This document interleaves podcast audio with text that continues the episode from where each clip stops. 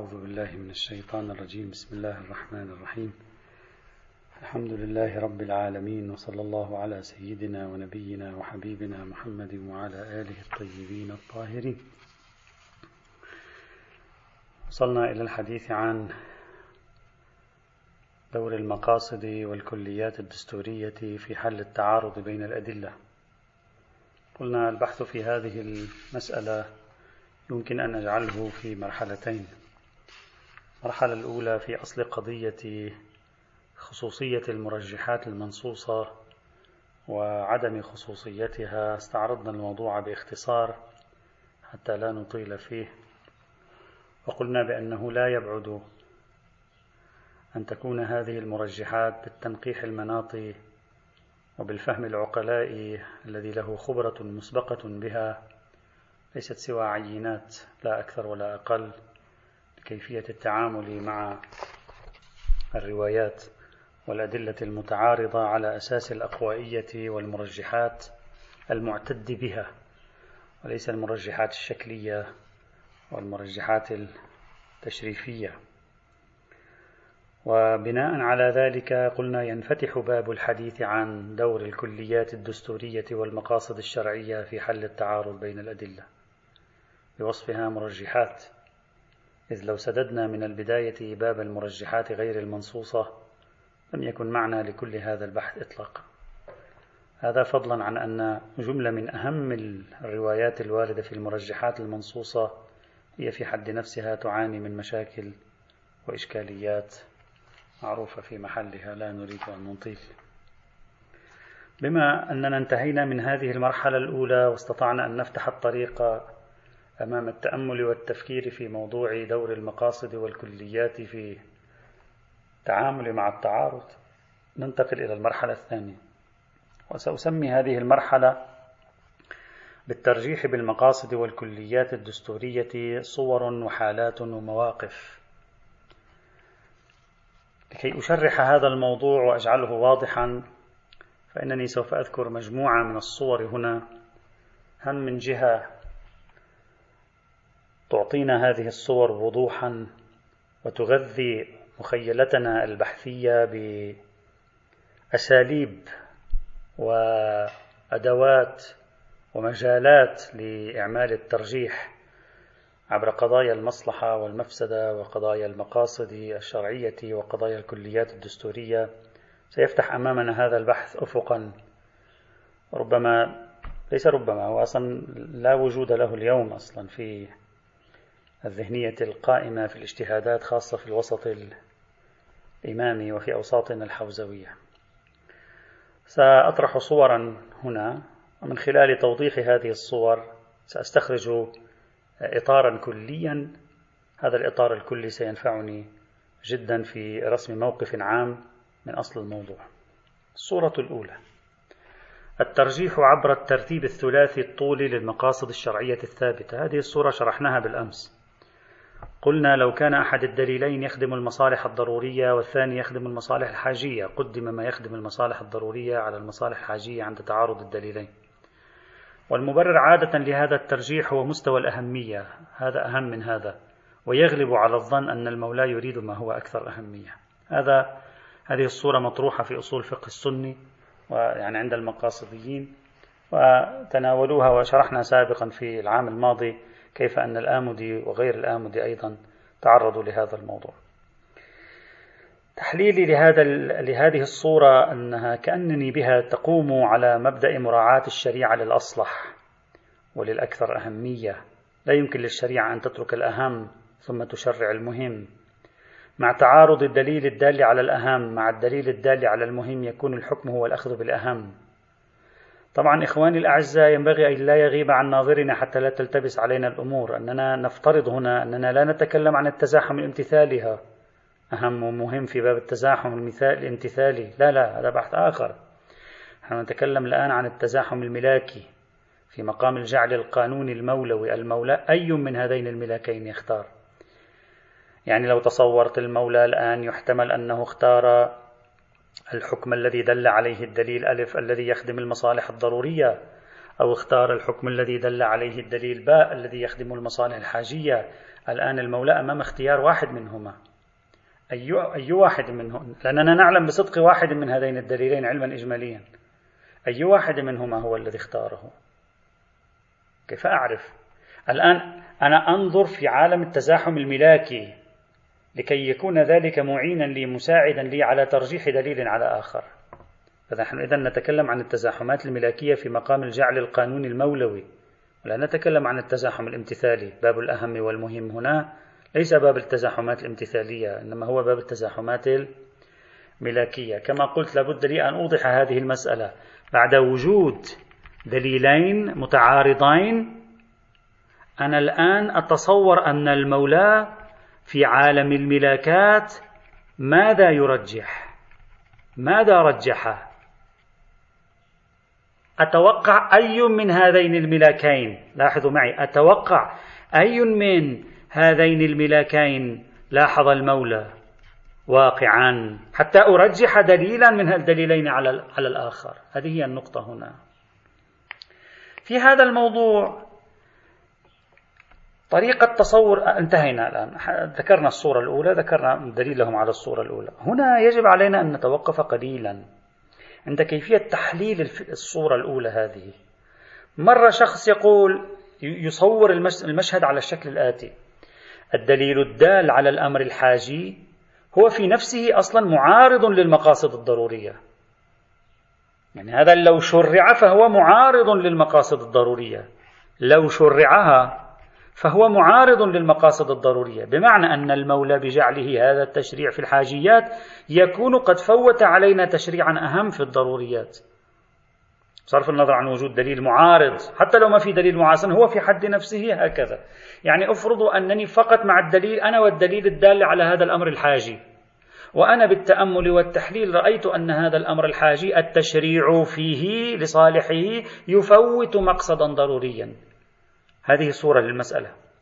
صورة أخرى للمسألة لا لا ألاحظ القضية هكذا ألاحظ وجود دليلين وعند التعارض يبدو لي الأمر على هذه الشاكلة. إذا تصورت القضية من الشكل الأول إذا قلت في كل مورد حصل فيه تعارض بين دليلين واحد يخدم المصالح الضرورية وآخر يخدم المصالح الحاجية وفي كل مورد من هذين الموردين من هذه الموارد يكون الذي يخدم المصالح الحاجية أصلا في نفسه معارض للمقاصد الضرورية. في نفسه. معارض بمعنى مفوت لتشريع يخدم المصالح الضرورية. هذا رجع إلى قاعدة الطرح حينئذ. طرح مخالف المقاصد. إذا فهمنا من مخالفة المقاصد بمعنى التفويت أيضا تفويت مصلحة مقاصدية ضرورية. فيرجع إلى ما قلناه هناك. إذا طريقة تصور القضية هنا تختلف نظريا. لو قلنا بأن الدليل الحاجي هو في نفسه تفويت لمقصد ضروري في مورد ما فهذا يعني أننا صرنا نتكلم عن قاعدة طرح مخالف المقاصد مع فهم المخالف بمعنى الذي يفوت المقصد. لا بمعنى آخر ولا لن تكون هناك مخالفة. إذا فهمنا أنه في كل حالة تعارض بين دليل يخدم الحاجيات وآخر يخدم الضروريات الدليل الذي يخدم الحاجيات هو في روحه ولبه يعارض بمعنى التفويت يعارض الذي يخدم الضروريات فسوف يكون هذا معارضا للمقاصد الضرورية.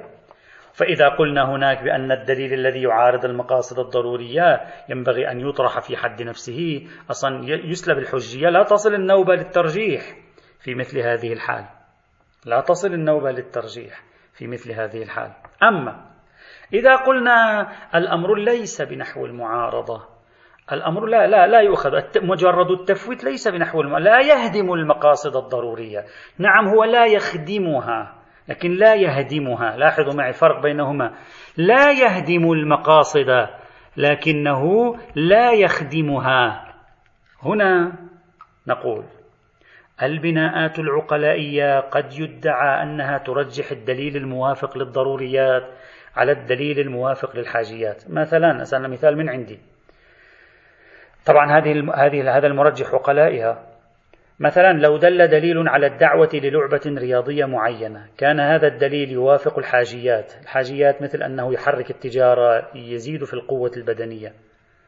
لكن هذه اللعبة مثلا بعينها هذه اللعبة دل الدليل على النهي عنها أيضا. وكانت اللعبة في حد نفسها تحمل نسبة خطر معتد به على النفس. إذا هذه اللعبة تهدد المقاصد الضرورية في حفظ النفس.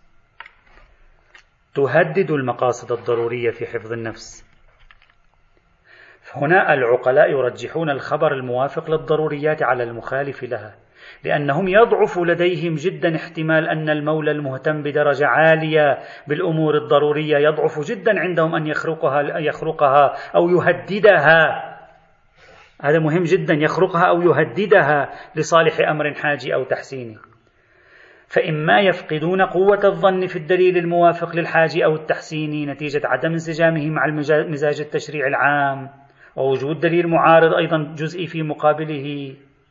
أو نقول حتى لو لم يفقدوا الظن لكن يكفي كون الظن بهذا الدليل أقوى فيرجح بقاعدة التعميم في المرجحات خارج سياق المرجحات المنصوصة.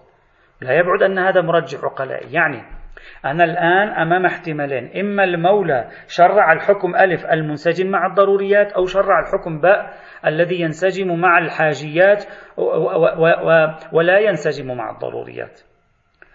الآن إذا أجريت معرفة استقرائية بطبيعة اهتمامات المولى وتشريعاته وأولوياته ومزاجه وأيضا أجريت معرفة استقرائية بطبيعة اهتمامات العقلاء وأولوياتهم وأمزجتهم ألا يحصل عندي ظن عفوا ألا يحصل عندي قوة احتمالية أكبر أن المولى شرع الحكم المنسجم مع الضروريات تبعا لمزاجه العام؟ يحصل عندي. فإذا فتحنا أرجو الانتباه هنا فإذا فتحنا باب الترجيح بمطلق الأقوائية الاحتمالية في باب التعارض كان هذا واحدا من الترجيحات حينئذ. نتيجة الأقوائية الاحتمالية بالنظر العقلاء من جهة وبالمعرفة الاستقرائية بمزاج الشارع من جهة أخرى. دعوني أوضح هذه القضية مرة أخرى لأنها مهمة جدا بالنسبة لنا وستفتح على الموضوعات الأخرى أيضا. أنا في الحقيقة عندي دليلين متعارضين. دليل ينسجم مع الضروريات دليل ينسجم مع الحاجيات. دليل ينسجم مع الضروريات ودليل آخر ينسجم مع التحسينيات. تعارضا. طبعا تعارضا لا تزاحما. فرضيا أننا نتكلم عن تعارض الآن يعني على طول الخط متعارضين. طيب. معنى هذا الكلام أنني لا أعرف هل هذا هو الحجة أو هذا هو الحجة. أريد أن أبحث حيث إنني أرجو الانتباه حيث إنني فتحت باب المرجحات غير المنصوصة والتي عنوانها العريض مطلق ما يعد أقوى احتمالا في طرف على طرف آخر. يعني قوة الظن في دليل أكبر منها في دليل آخر. الآن أنا أريد أن أعرف هل هذه القضية المقاصدية هل هذا الموضوع المقاصدي يمنح أحد الطرفين أقوائية احتمالية أقوائية ظنية على الطرف الآخر حتى أطبق كلية قاعدة المرجحات غير المنصوصة أو لا؟ هذه هي الفلسفة في الموضوع. هذا هو الذي يجب أن ننتبه إليه هنا. إذا أنا لا أقبل المرجحات غير المنصوصة. انسد الباب انتهينا أصلا. هذا الكلام كله لا معنى له. لا معنى له. إذا كنت أقبل كما قررنا بالأمس كنت أقبل وقلنا هذا أمر عقلائي أيضا كنت أقبل بالمرجحات المنصوصة وغير المنصوصة. والجامع بين المرجحات المنصوصة وغير المنصوصة هو عبارة عن قاعدة عقلائية. تقديم الأقوى وثوقا على غيره الأقوى ظنا على غيره الأقوى احتمالا على غيره. مفروض بنينا على هذا. الآن نأتي هنا في موردنا. إذا كنت أعرف من مزاج الشريعة بحسب القراءة الاستقرائية كما أنني أعرف من مزاج العقلاء بحسب قراءة الاستقرائية لقوانين العقلاء أنهم يولون بالأعم بالأغلب يولون الضروريات أهمية أكثر من الحاجيات في مقام التشريع. في مقام التزاحم في أصل مقام التشريع. يعني الملاكات التي تكون لصالح الضروريات يولونها اهتماما أكثر. يضحون بما هو مصلحة التحسينيات والحاجيات إذا كانت الضروريات تحتاج إلى شيء. لمصلحتها.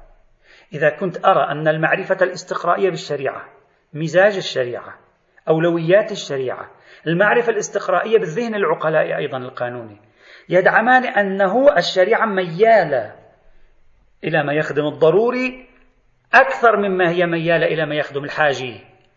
إذا وقعت أمام تزاحم ملاكي فهنا لا يوجب ذلك عندي قوة الظن في أن الدليل الخاص الذي كان لمصلحة الأمر الضروري أقوى ظنا من ذلك الذي هو لمصلحة الحاج أو التحسين.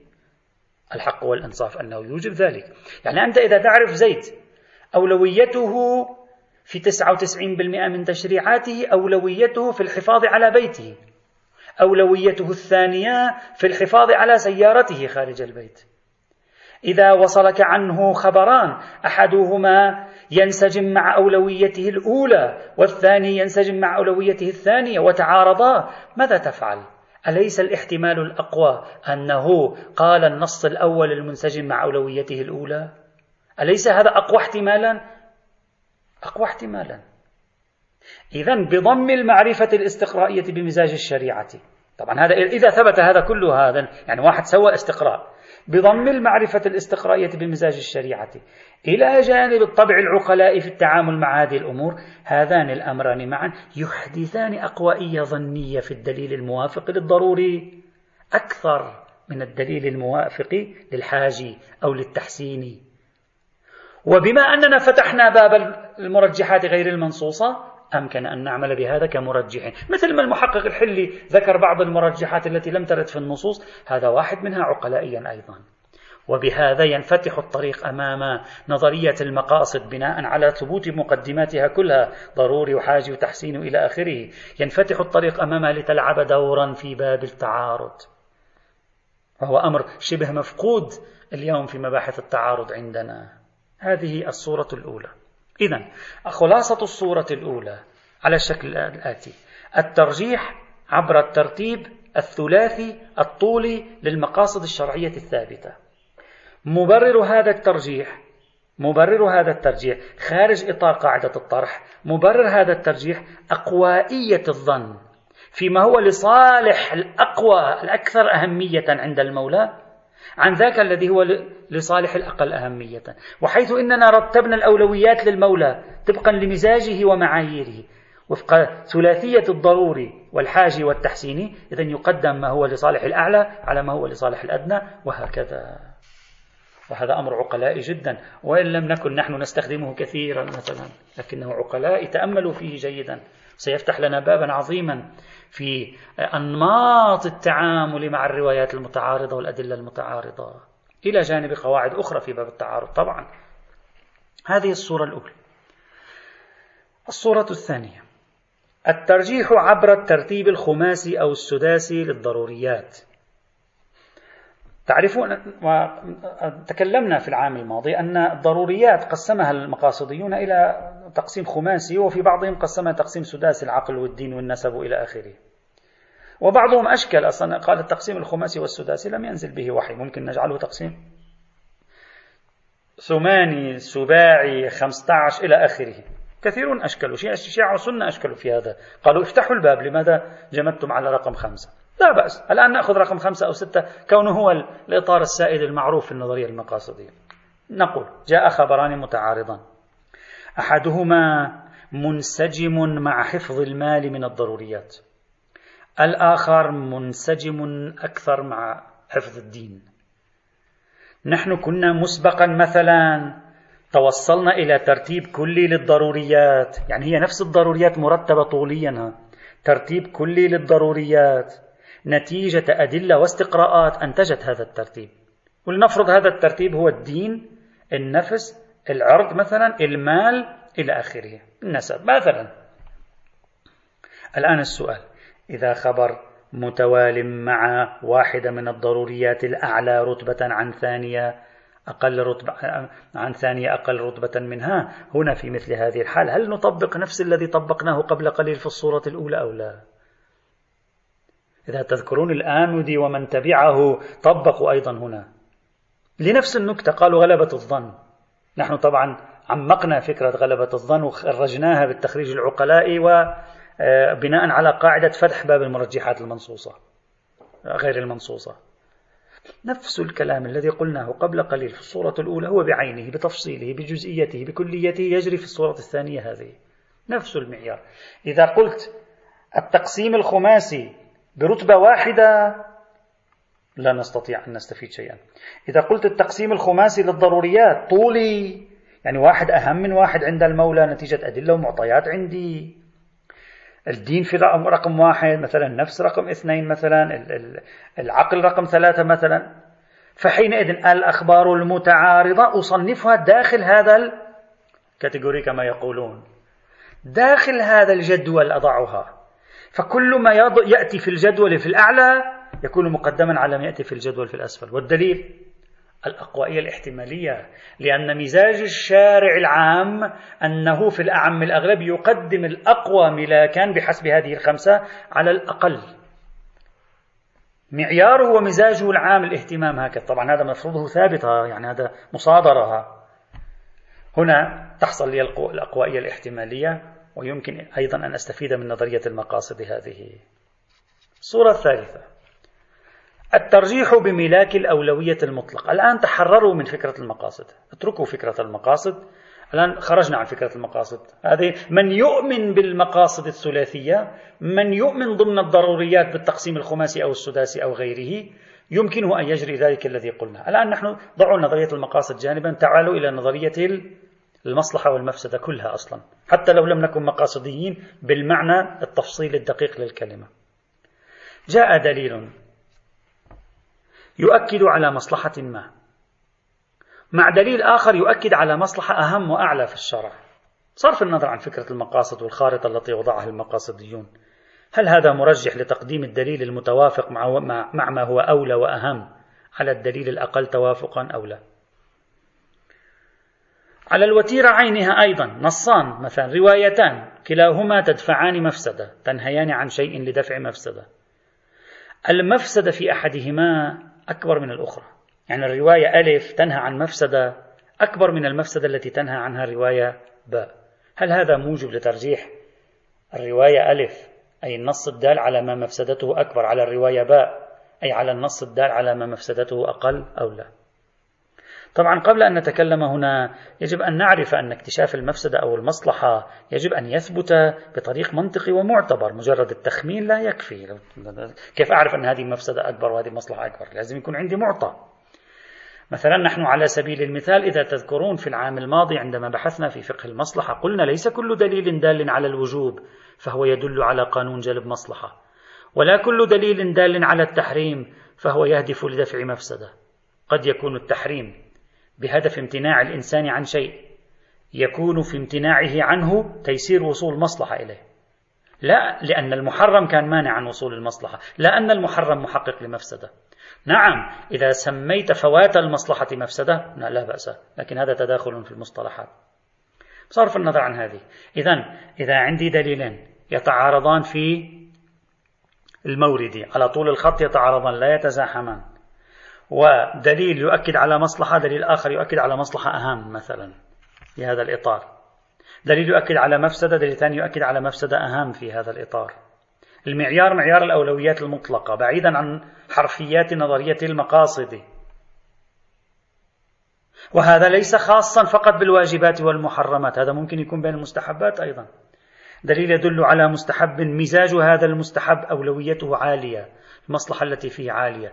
يدل على مستحب آخر أولويته أدنى. أقل. مثلا لنفرض دليل دل على استحباب مصافحة المؤمن الذي بجانبك بعد الانتهاء من صلاة الجماعة فورا. فيما دليل آخر دل على استحباب السكوت وطأطأة الرأس وعدم الالتفات وقراءة التعقيب بعد الصلاة فورا. وفرضنا التعارض كلاهما فورا كلاهما أولا. بحيث لا يمكن الجمع بينهما مثلا. هنا ممكن يكون مستحب أولى من مستحب. تبعا لدرجة صلته بالمصالح والمفاسد. إذا شخص رجح أن الشريعة مزاجها العام تقوية الروابط الاجتماعية الإيمانية بين الناس أكبر من مزاجها العام تقوية الروابط العلائقية مع الله سبحانه وتعالى عبر مثل الأدعية وأمثالها فقد يرجح الأول أو قد يرجح الثاني وهكذا. إذا النقطة المهمة هنا أننا نفكر في التعامل مع حديثين متعارضين بمعيار ترجيح ما هو الأولوية الملاكية. بصرف النظر عن التعارض. الأولوية الملكية إذا ثبت لنا انتماء ما يدل عليه الدليل الأول إلى فضاء أولى من فضاء آخر. هل هذا مرجح للدليل الأول على الدليل الثاني أو لا؟ هذه صورة ثالثة. الآن لما أشرح الصورة الرابعة والخامسة. طبعا الصورة الثالثة حكمها مثل مثل ما مضى سابقا يعني. لكن الآن سوف أشرح الرابعة والخامسة. وكذلك السادسة وأعطي نتيجة نهائية. الصورة الرابعة. الترجيح بملاك الأولويات الدنيوية والأخروية أو بملاك الأولويات المادية والمعنوية. شوفوا لاحظوا إخوان نحن الآن بدأنا ننفتح على ذهنية تفكيكية ذهنية فقه نظرية ذهنية آه، رصد الشريعة برمتها. هذه الصورة الرابعة بعيدا عن نظرية المقاصد بحرفياتها تفرض تعارض دليلين. أحدهما مثلا يدل على إباحة شيء يكون في إباحته مثلا منافع دنيوية مثل التوسع في التجارة. والدليل الثاني يدل على وجوب شيء يكون في وجوبه منفعة أخروية معنوية مثل الدعوة للصلاة أو الدعاء. وفرضنا التعارض لا التزاحم التعارض يعني على طول الخط لا يمكن الجمع بينهما. هنا أيضا على نفس المنوال السابق. الحكم بكل ما فيه يعني يفترض أن نحكم يعني بكل ما يشتمل على ترجيح لمصالح أخروية. لماذا؟ لأننا نعلم من مزاج الشريعة عبر الاستقراء ميلها الأكثر للمصالح المعنوية الدينية على المصالح المادية الزائدة الإضافية للمادية الأولية ما به قوام العيش المصالح المادية الزائفة الزائدة عفوا. إذا واحد ثبت له أن المزاج الشرعي العام هو هكذا طبعا هذا يحتاج إلى اجتهاد مسبق. إذا ثبت له مزاج شرعي عام هنا يستطيع أن يقول بأن الدليل الدال على وجوب أمر متصل بشأن أخروي معنوي يقدم على ذلك الدليل. أقوائية الاحتمالية فيه أكبر لأن المزاج العام للشريعة يميل إلى مثل هذا فيعطيني قوة احتمال أن هذا هو الذي أرادته الشريعة. وبالتالي يعطيني قوة احتمال صدور هذا الخبر الإرادة الجدية من هذا الخبر أكثر من ذاك الخبر على مستوى الصدور أو على مستوى الإرادة الجدية. هذا العلم من مزاج الشريعة. طبعا مفروض فرضا عندنا هنا. مفروض أننا بحثناه. هو بحاجة في حد نفسه في مرحلة مسبقة لدليل قائم على ملاحقة النصوص الكلية العامة النصوص المقاصدية الغائية. إعمال هنا هنا. كل هذا أهمية الاستقراء هنا. إعمال المنهج الاستقراء التتبعي. إعمال قواعد الاستقراء التي تنتج ما قلنا عنه سابقا روح الشريعة ومذاق الشريعة والمزاج العام. هذه كلها مفاهيم استقرائية. إذا إذا أنا استنتجت أن الشريعة تعطي أولويات لأمور معنوية على أمور غير معنوية ووقع التعارض أستطيع أن أقول أن المزاج العام للشريعة يرجح أن يكون هذا هو الخبر الصادر وليس ذاك. على نفس المنوال الذي قلناه في الصورة الأولى والثانية والثالثة على نفس المنوال. الصورة الخامسة. الترجيح بملاك تقدم دفع المفسدة على جلب المصلحة. هذه الصورة تعني أنه لو وقع تعارض بين دليلين أحدهما يجلب مصلحة والثاني يدفع مفسدة. كلية الحكم العقلي أو العقلائي بتقدم دفع المفسدة على جلب المصلحة يفرض أن العقلاء يرجحون الدليل الدال على دفع المفسدة.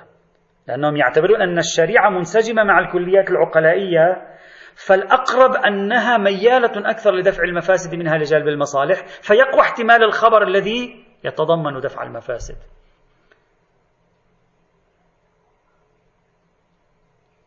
مثلا سأعطي مثال هنا. قضية الولاية على البكر البالغة العاقلة الرشيدة تعارضت الروايات هنا. بعضها دل على ثبوت الولاية واشتراط إذن الولي وبعضها الآخر أفاد عكس ذلك. عندما نراجع طبيعة نقاشات علماء المسلمين شيعة وسنة في هذا الموضوع نستطيع أن نستوحي بعض الإشارات التي تنفعنا هنا. مثلا قد شخص يأتي ويقول الدليل الدال على اشتراط الإذن قائم في فهمه العقلائي المناطي. العقلاء يفهمون هذه القضية. لماذا الإذن؟ إذن الأب للبنت البالغة الرشيدة. لماذا إذن الأب؟ يقولون هذا مرجعه إلى دفع مفسدة. هم لديهم قدرة على تنقيح المناط هنا لأن لديهم خبرة بمثل هذه الأمور الاجتماعية. هذا الدليل نمط دليل قائم على دفع مفسدة. ما هي المفسدة؟ يعني مثلا البنت تشخيصها العاطفي قد يوقعها في مشاكل قد تقع في أخطاء تشخيص وبالتالي قد تتورط في مشاكل. ذهنية ماذا هذه؟ ذهنية درء مفسدة. فلكي ندرأ هذه المفاسد التي يمكن أن تلحق نشرط عليها أن تأخذ إذن الوالد. أما عدم أخذ الإذن الروايات التي دلت على عدم أخذ الإذن شرطان فهذه لا, لا تدفع مفسدة. هذه مثلا قد يقال تحقق مصلحة بحسب الفهم المناطي لها. ما هي المصلحة؟ أن تكون حرة فيما تفعل وتتخذ من قرارات. مصلحة أن تكون حرة مصلحة أن تكون لها شخصيتها مصلحة أن يكون لها قراراتها. هذه مصالح ليست مفاسد.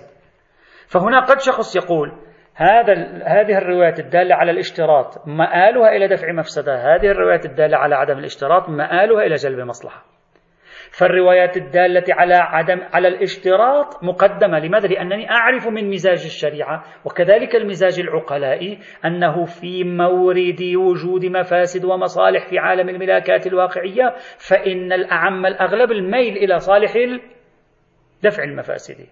فهذا يعطي أقوائية صدورية أو إرادية جدية في الدليل الدال على الاشتراط في مقابل الدليل الدال على عدم الاشتراط. لاحظوا هذه ذهنية يكاد تكون مفقودة في كثير من الأوساط في كيفية التعامل مع المرجحات هنا. إذا قوبلت هذه الكبرى الكلية في فتح باب المرجحات غير المنصوصة وأخذنا نفكر بهذه الطريقة سوف يكون عندنا ثراء إذا استخدمنا الذهنية ذهنية مزاج الشريعة القائمة على أساس الاستقراءات. ستعطيني أرجحيات حينئذ.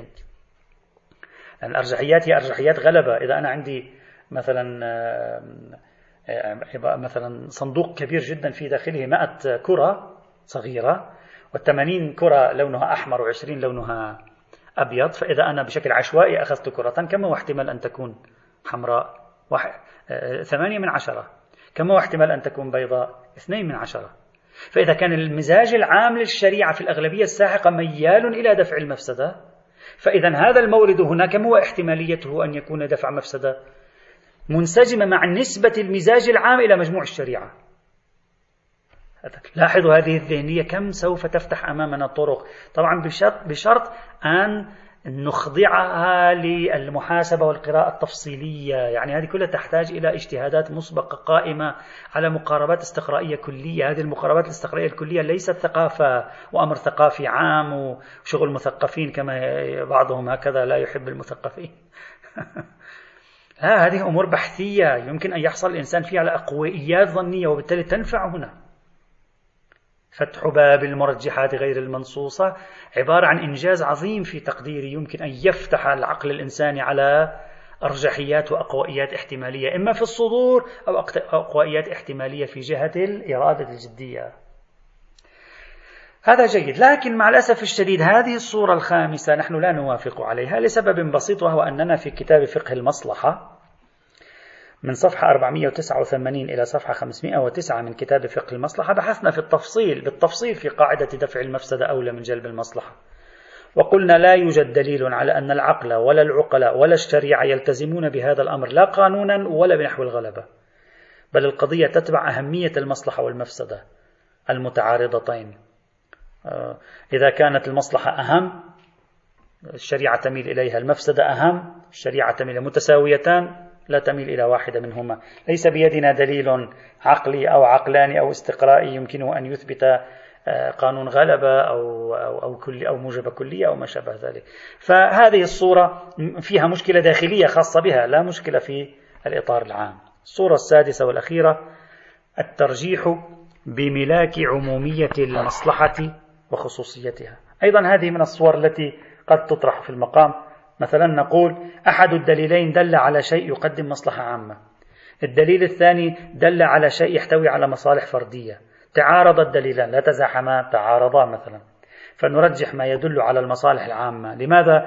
نفس الشيء. بدعوى أن طبع الشريعة ومزاجها العام المعلوم بالاستقراء والتتبع قائم على ترجيح المصالح العامة على المصالح الفردية. بل إن الطبع العقلاء والعقلاني قائم على ذلك أيضا. فيلتزم حينئذ بالدليل الدال على ما هو في مصلحة العامة مقابل الدليل الدال على ما هو في لصالح المصلحة الخاصة. ونعتبر ذلك مرجحا عقلائيا من جهة ومرجحا قائما على الاستقراء للشريعة من جهة أخرى. وهذه أيضا أقوائية ظنية تعطيني. لكن أيضا مع الأسف الشديد نحن بحثنا في فقه المصلحة حول هذا الموضوع موضوع تقديم المصلحة العامة على المصلحة الخاصة وقلنا لا توجد قاعدة مطلقة اسمها قاعدة المصلحة العامة مقدمة على المصالح الخاصة. قلنا القضية متداخلة. نعم قلنا المزاج العام تقدم العموم على الخصوص مع التساوي من تمام الحيثيات الأخرى. لا مطلق تقدم العموم على الخصوص يمكن للإخوة أن يراجعوا هذا البحث أيضا في كتاب فقه المصلحة من صفحة 456 إلى صفحة 458 طيب ما أنا هذه الصور التي آه، أطرحها. ماذا نستنتج من هذه الصور الست التي طرحناها؟ بعيدا عن الملاحظات الموردية كما في الصورة الخامسة والسادسة. نستنتج ما يلي إخواني. هذا الذي أريد أن أصل أرجو, أرجو جدا أن تفكروا فيه.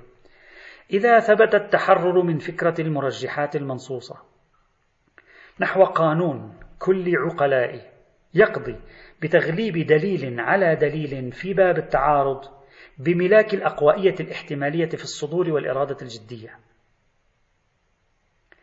إذا تحررنا من فكرة المرجحات المنصوصة نحو قانون من هذا القبيل سيفتح هذا الطريق أمام الاجتهاد الإسلامي لتقديم معطيات حقيقة غزيرة في وسائل حل التعارض وفقا لقانون الأقوائيات. لأن في كثير معطيات ممكن واحد يدخل على الخط. كما فعل المحقق الحلي. المشافهة والمكاتبة. ها؟ هذه الخصوصية وتلك الخصوصية. سوف الذهن سيصبح خلاقا لأخذ الصور وفروض كثيرة. وهذا ربما يحدث ثورة في الحقيقة لو فعل بحق في الدراسات الفقهية وتطبيقات قواعد التعارض. ممكن يحدث ثورة. ثورة ليس بالمعنى يعني سيهدم شيء آخر. لا. يعني سيقدم معطيات غزيرة جديدة كثيرة. سيفتح الطريق أمام دور نظرية المصلحة والمفسدة أمام دور نظرية المقاصد والغايات العامة والخاصة أمام دور قاعدة المزاج الشرعي العام والغالب أمام دور قاعدة المزاج العقلاء العام الذي لم يرد ما ينافيه في الشرع أمام المنهج الاستقرائي وأمثاله وغير ذلك. كل هذا يمكن بقوة حينئذ أن يترك أثرا في عملية التقويم الاحتمالي تقويم الدرجة الاحتمالية. هذا معنى التقويم الاحتمالي. يعني تقويم الدرجة الاحتمالية للصدور وللإرادة الجدية في النصوص أو في الأدلة المتعارضة حتى يؤخذ بالدليل الأقرب للمزاج الشرعي العام عند التعارض بوصفه أقوى في الاحتمال الصدوري والإرادي أي الإرادة الجدية من ذاك الآخر. إخواني الأعزاء إن الاستمرار في القاعدة التي بنى عليها أمثال المحقق الحلي والشيخ الأنصاري وتبعهما من كان قبلهما وبعدهما أيضا يعني وافقهما من كان قبلهما وبعض ممن جاء بعد الشيخ الأنصاري أيضا.